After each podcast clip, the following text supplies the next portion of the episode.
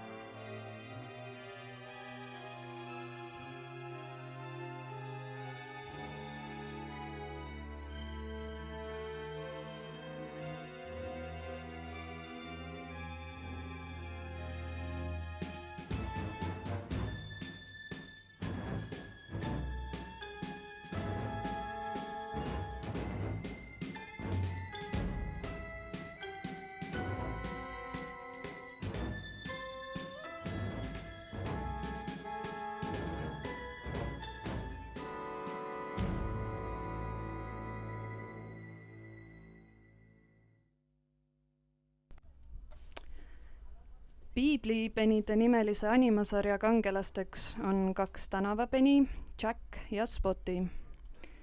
päris esimene piiblipenide osa algab stseeniga, milles Jack ja Spotty patseerivad ringi tuhande üheksasaja kolmekümnendate aastate Chicago süngetel kõrvaltänavatel. äsja kõlanud lugu tabab meie arvates üsna hästi piiblipenide algusstseenide kriminaalset ja põnevat suurlinna õhustikku. lugu pärineb üheksasaja kaheksakümne seitsmenda aasta filmist The Untouchables, mis räägib kurikuulsa Al Capone'i tabamisest sellele loole on omane multifilmilikult karikatuurne helikeel. kujutame elavalt ette, kuidas keegi selle muusika järgi mööda pimedaid kõrvaltänavaid hiilides põgeneda võiks. piiblipenide sarjast ei puuduks kindlasti ka stseen suitsuses džässibaaris, kus ilmselt laulaks Jessica Rabbiti sarnane ohtlik ja võrgutav koeradaam.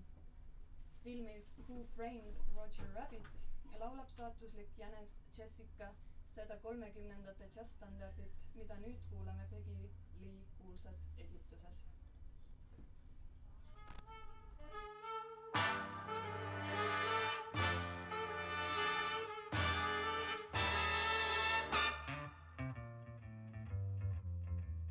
You had a plenty money, 1922. You let other women make a fool of you. Why don't you do right? like some other men do. Get out of here and get me some money too. You're sitting down wondering what it's all about. You ain't got no money, they will put you out. Why don't you do right like some other men do? Get out of here and get me some money too. If you had prepared 20 years ago, you wouldn't be a wandering now from door to door. Why don't you do right like some other men do? Get out of here and get me some money too.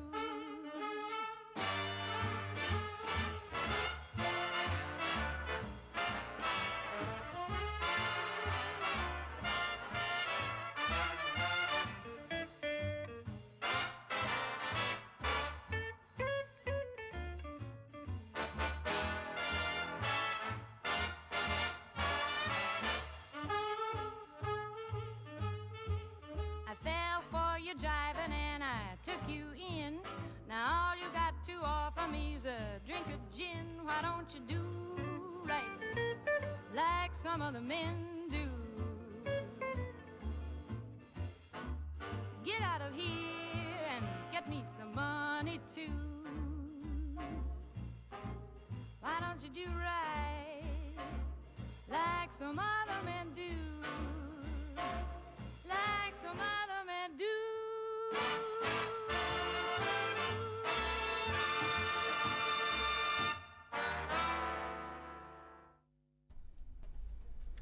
Ühel vihmasel hilisõhtul leiavad penid džässiklubi tagaukse kõrval prügikasti rüüstades mahlase kondi.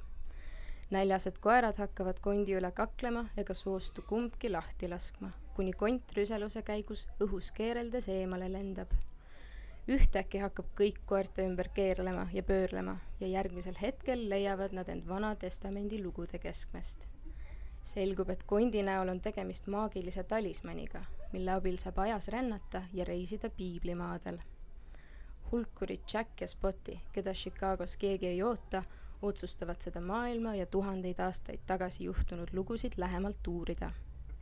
pahatihti juhtub penidel minevikus ekseldes ka erinevaid humoorikaid apsakaid, mistõttu mõni lugu üsna viimasel hetkel veel õnnelikult laheneda jõuab piiblipenid oli USA-s toodetud animasari, mille peamiseks ülesandeks oli lastele pakkuda lustakat ja meelelahutuslikku pühapäeva hommikust sissevaadet kristlikku ajalukku. ehkki USA-s on väga suur kristlaste kogukond, ei olnud meie kujuteldav sari seal kunagi väga edukas. nagu mitmed väiksema eelarvelised animaseeriad, püüdis stiililt imiteerida Disneyt, ent lõpptulemus oli kvaliteedilt ebaühtlane ning sarnase, sarnanes ehk näiteks mootorrattur hiirtega Marsilt. Multikaga, mida ise üheksakümnendate lastena vaadata armastasime ning milles oli palju tempokaid mälulistseene ja erinevate reaalsuste segunemist. piiblipennide sangarid, kodutud koerad Jack ja Spotti, on väga erinevate temperamentidega, nagu tihti filmides ja animafilmides, et vaatajat teravate dialoogide ja vaimukate vaidlustega lõbustada. koerte iseloomud ja eripärad väljenduvad ka nende välimuses. Jack on keskmist kasvu krants, küllaltki pika mustvalge kasukaga või vähemasti näib, et osa sellest on kunagi olnud valge tal on terjeri tüüpi vunts ja ta kannab ümmargusi katkisi prille. see näitab, et ta on intellektuaal, täpselt nagu arheoloogiaeksperdid tuntud Hollywoodi filmides. Jacki sidekick Spotti on pisem koer, tõenäoliselt vähemalt mingil määral Jack Russelli tõugu. nagu nimigi viitab, on Spotti seljal laigukesi. Spotti on kärsitu ja elav ning toidab seega sarja jämeda huumoriga ning teeb tihti tormakaid otsuseid, mis viivad veel suuremate seiklusteni. rahuliku ja aruka Jackiga on nad tasakaalus tuua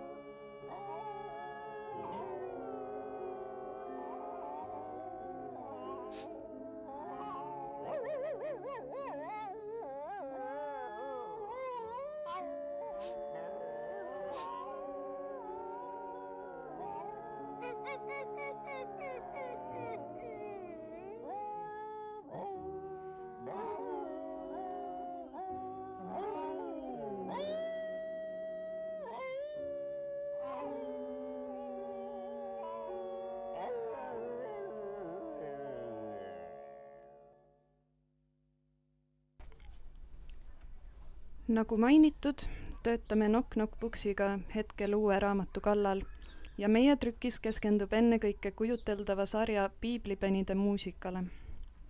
seal esinev muusika on huvitav, sest ühelt poolt järgib see lääne filmimuusika traditsioone ja stampe, ent teisalt oli see lastesaate kohta tihti veidralt täiskasvanulik ja süngete alatoonidega ning ka laulude sõnad on teinekord šokeerivalt kahemõttelised kujutame hetkel piiblipenide lauluraamatut ette kogumikuna, kus leidub nii noodilehti, sarja meeldejäävamate episoodide kirjeldusi kui biograafilist infot ja intervjuusid multika muusikalise kujundaja kohta.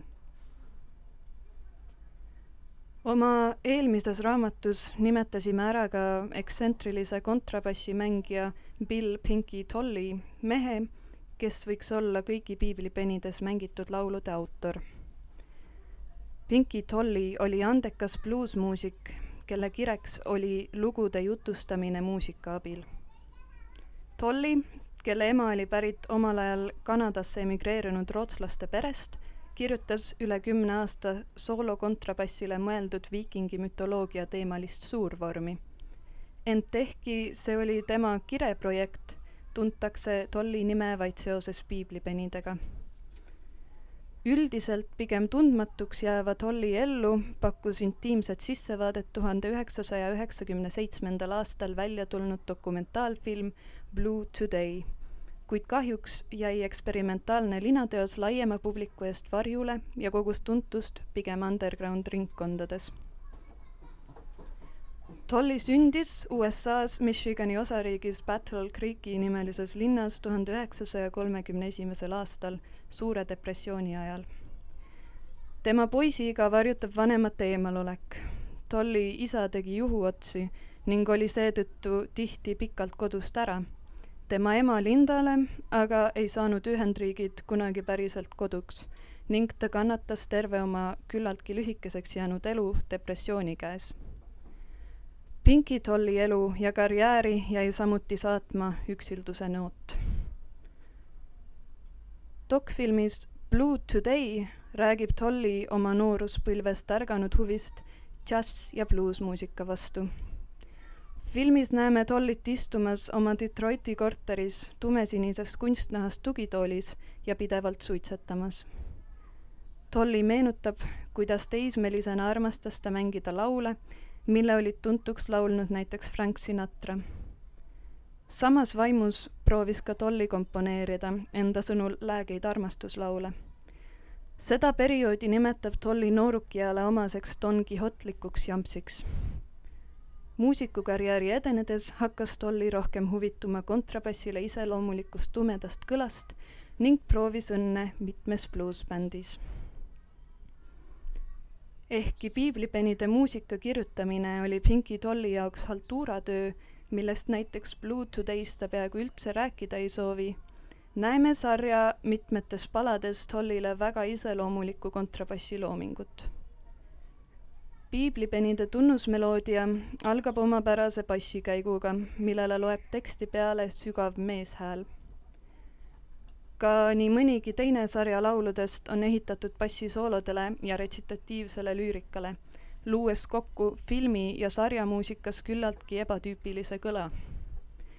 oleme ise kujutlenud neid lugusid laulma kedagi, kelle hääl on sarnane USA muusiku Ken Nordini häälele. selles DJ Foodi ja Ken Nordini loos on olemas ka sünge džässilik taust ning lugu sarnaneb neile, mis kirjeldavad piiblipenide elu Chicagos enne piiblilugudesse sattumist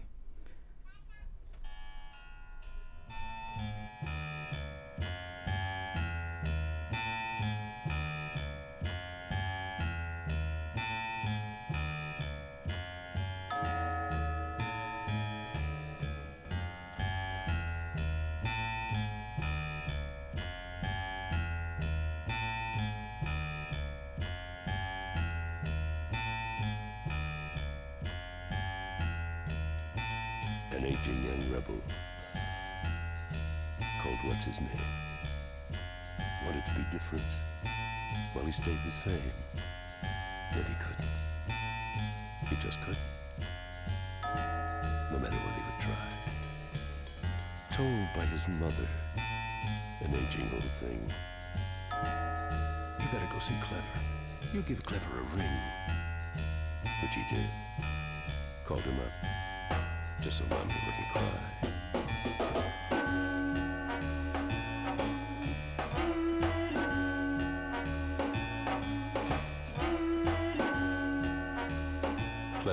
Story, but different from the same. Said, You crazy?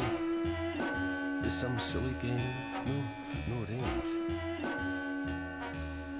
Like mommy said, you gotta straighten out my head. Clever, you're so clever. Is your cleverness enough? Can you help this aging rebel? Do you really have the stuff? Bet you don't have.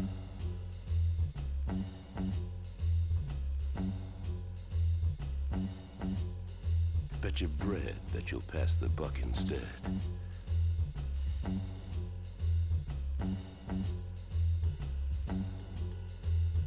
Clever sends our hero to a funny, darkened room where a crowd of cunning listens, giggles in the gloom. That's your problem, aging rebel. Don't you really know the score?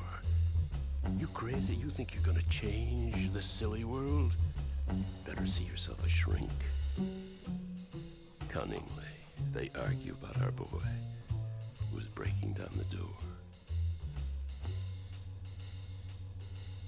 Now he's running down a dark.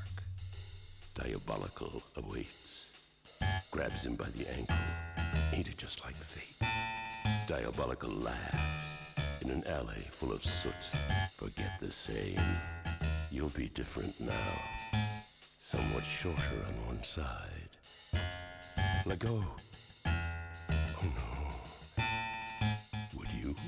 Diabolical inside? Panic in his brain pulls and gets away, loses him a foot. It's a dark and evil day.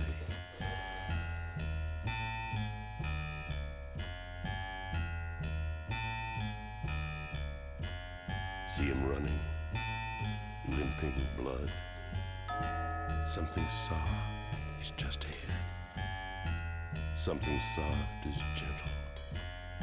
He has fallen at her side. She comforts him with kisses. He dreams of suicide.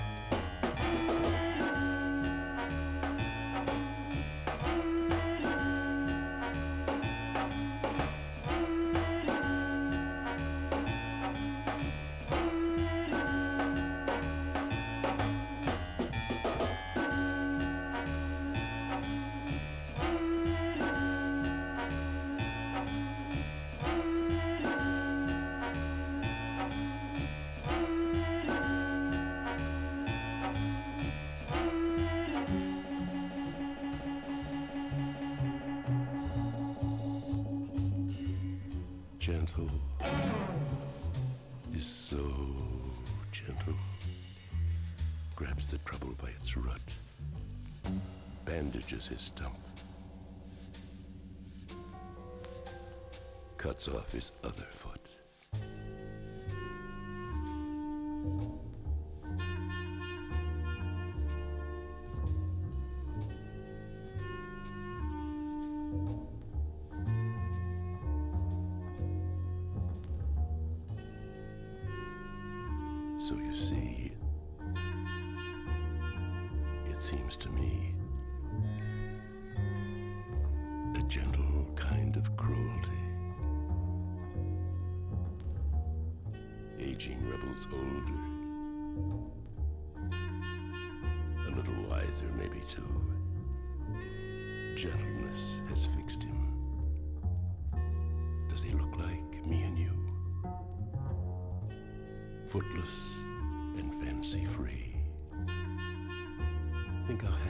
Will be, footless and fancy free.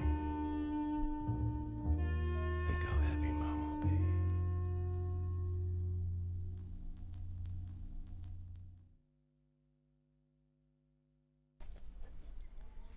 piiblipenide Chicagos toimuvad stseenid on alati liialdatult süünge meeleoluga. pimedaid põiktänavaid katab uduloor ja majaseintele joonistuvad liialdatud varjud.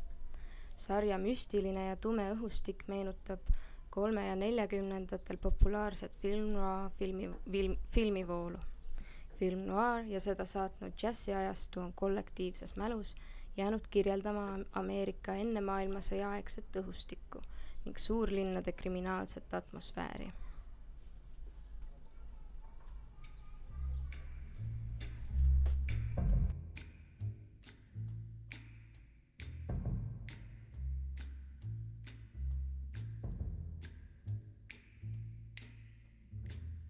Never know how much I love you. Never know how much I care. When you put your arms around me, I get a fever that's so hard to bear. You give me fever. When you kiss me, fever. When you hold me tight, fever in the morning, a fever all through the night. Sun lights up the daytime, moon lights up the night. I light up when you call my name, and you know I'm gonna treat you right. You give me fever. When you kiss me, fever. When you hold me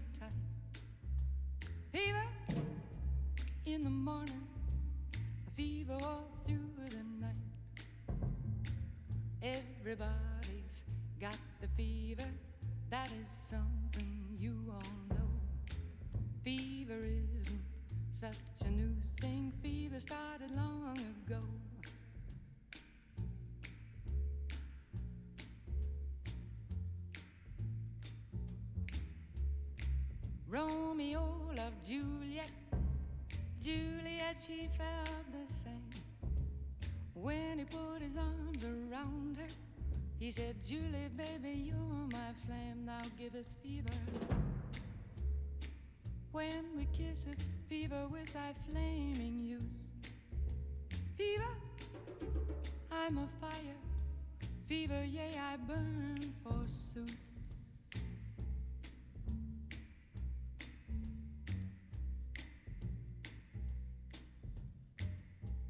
Smith and Pocahontas had a very mad affair. When her daddy tried to kill him, she said, Daddy, oh, don't you dare give me fever. With his kisses, fever when he holds me tight. Fever, I'm his missus. Daddy, won't you treat him right? Now you've listened to my story. Here's the point that I have made. Chicks were born to give you fever, be it Fahrenheit or centigrade, to give you fever. When you kiss them, fever, if you live, you learn. Fever, till you sizzle. What a lovely way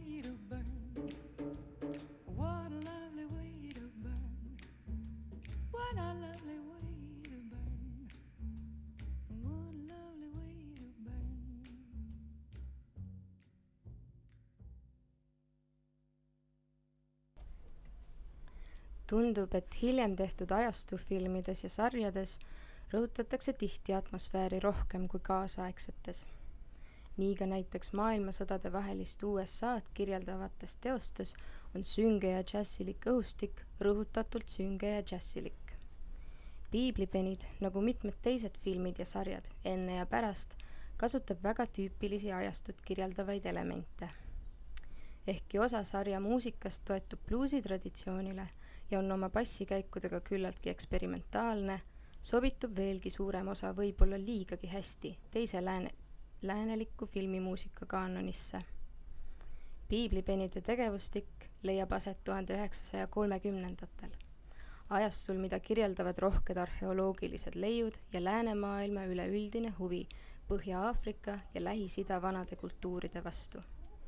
Egiptus, mis tollal kuulus Briti impeeriumi koosseisu, oli populaarne võttepaik filmidele ja toimumiskoht kirjandusele. seda kujutati tihti kui romantilist püramiidide, vaaraode ja iidsete aarete maad. ka piiblipenid seiklevad tihti nimetatud aladel. Nende episoodide atmosfäär on sarnane näiteks Muumia ja Indiana Jonesi filmidele, mille karismaatilisi sangareid köidavad ühtaegu nii arhe-, arheoloogia kui põnevad seiklused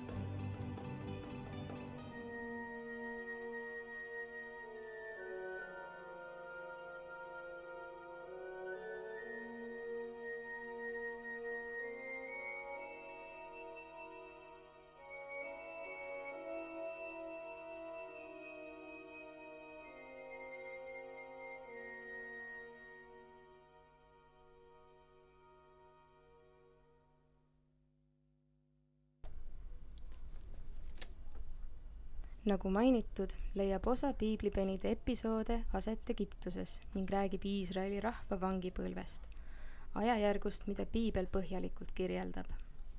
Nendes osades on pahalasteks Egiptuse aristro-, aristokraatia, keda multikas esindavad loomulikult kassid. Egiptuse kassid on pikad ja kiitsakad ning susistavad pahaendeliselt S-tähte. iga kord, kui paar kohtab kasse, püüab energiline ja äkiline Spotti neid taga ajada, ent tasakaalukas Jack suudab ta alati kuidagi maha rahustada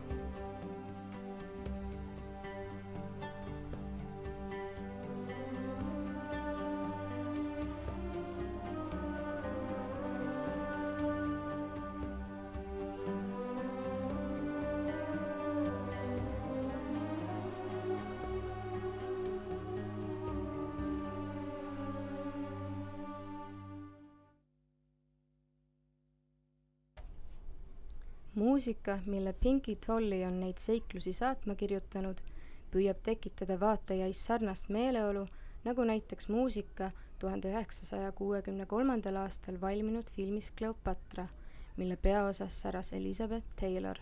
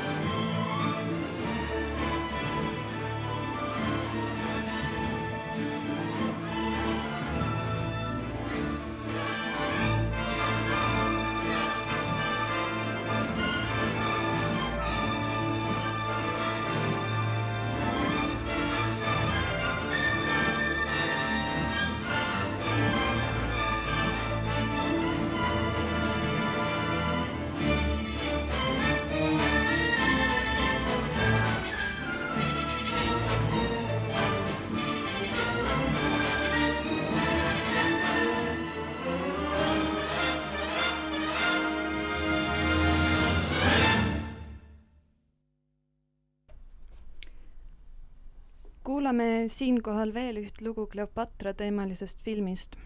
seekord on katke Belgia-Prantsuse animatsioonist tuhande üheksasaja kuuekümne kaheksandal aastal valminud filmist Asterix ja Cleopatra.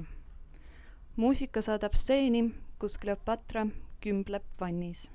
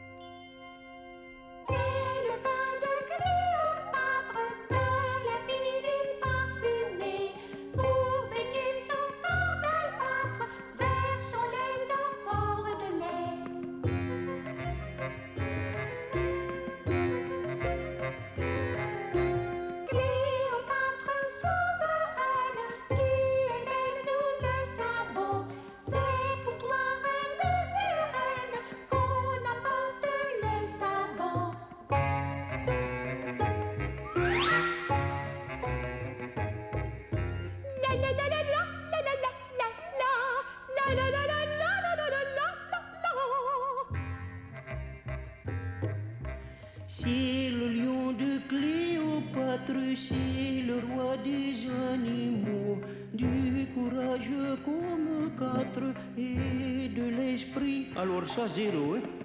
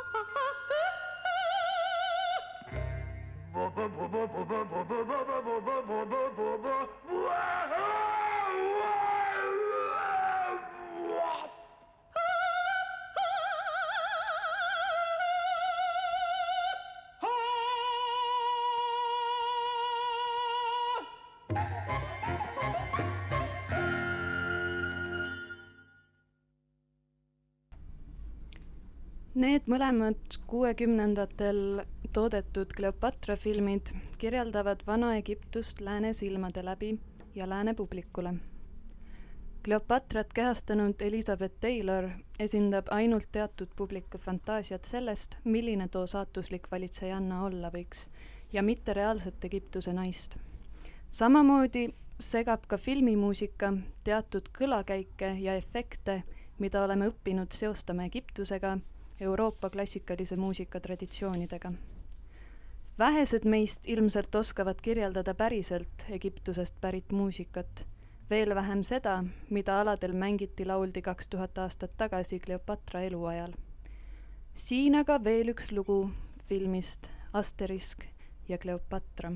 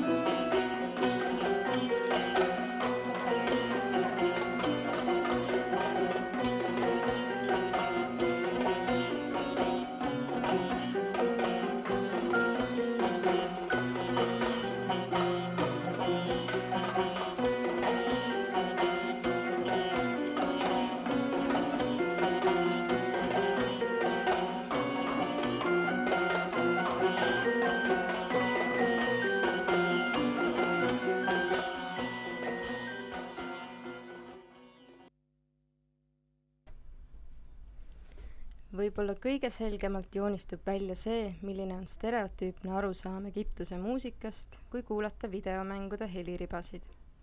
sellisel juhul on muusika eriti kontsentreeritud. lühikestesse helijuppidesse mahutatakse võimalikult palju kultuurile iseloomulikuks peetavaid efekte ja kõlakäike. siin lugu, mille nimeks ühemõtteliselt Egypt ning mis saadab videomängu kangelast Crash Bandicooti tema Egiptuse seiklusel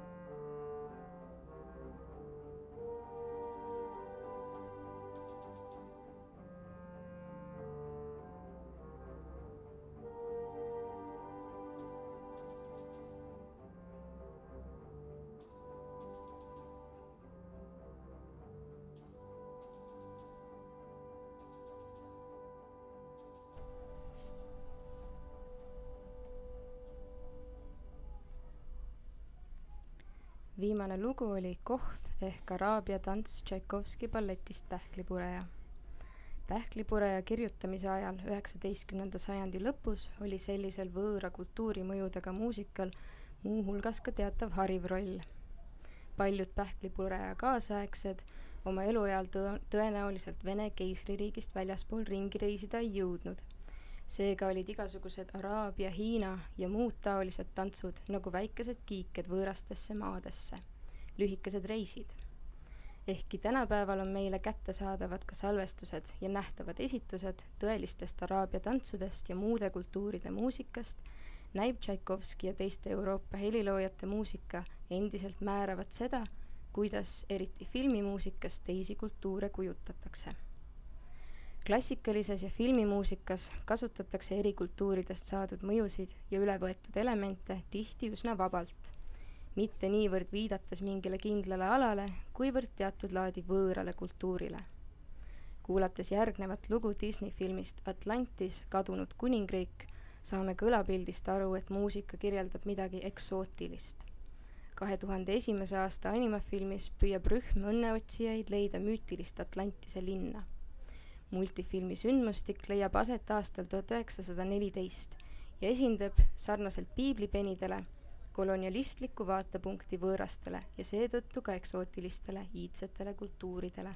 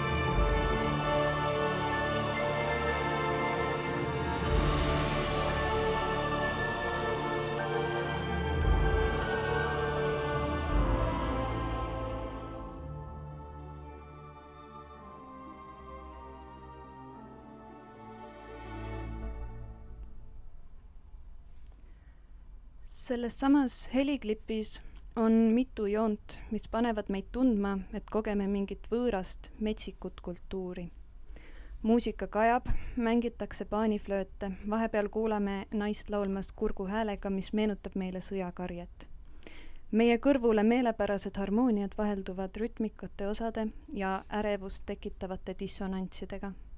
meis tekib uudishimu, ent samas teame, et peame vaatama ette, sest võõras tähendab metsikut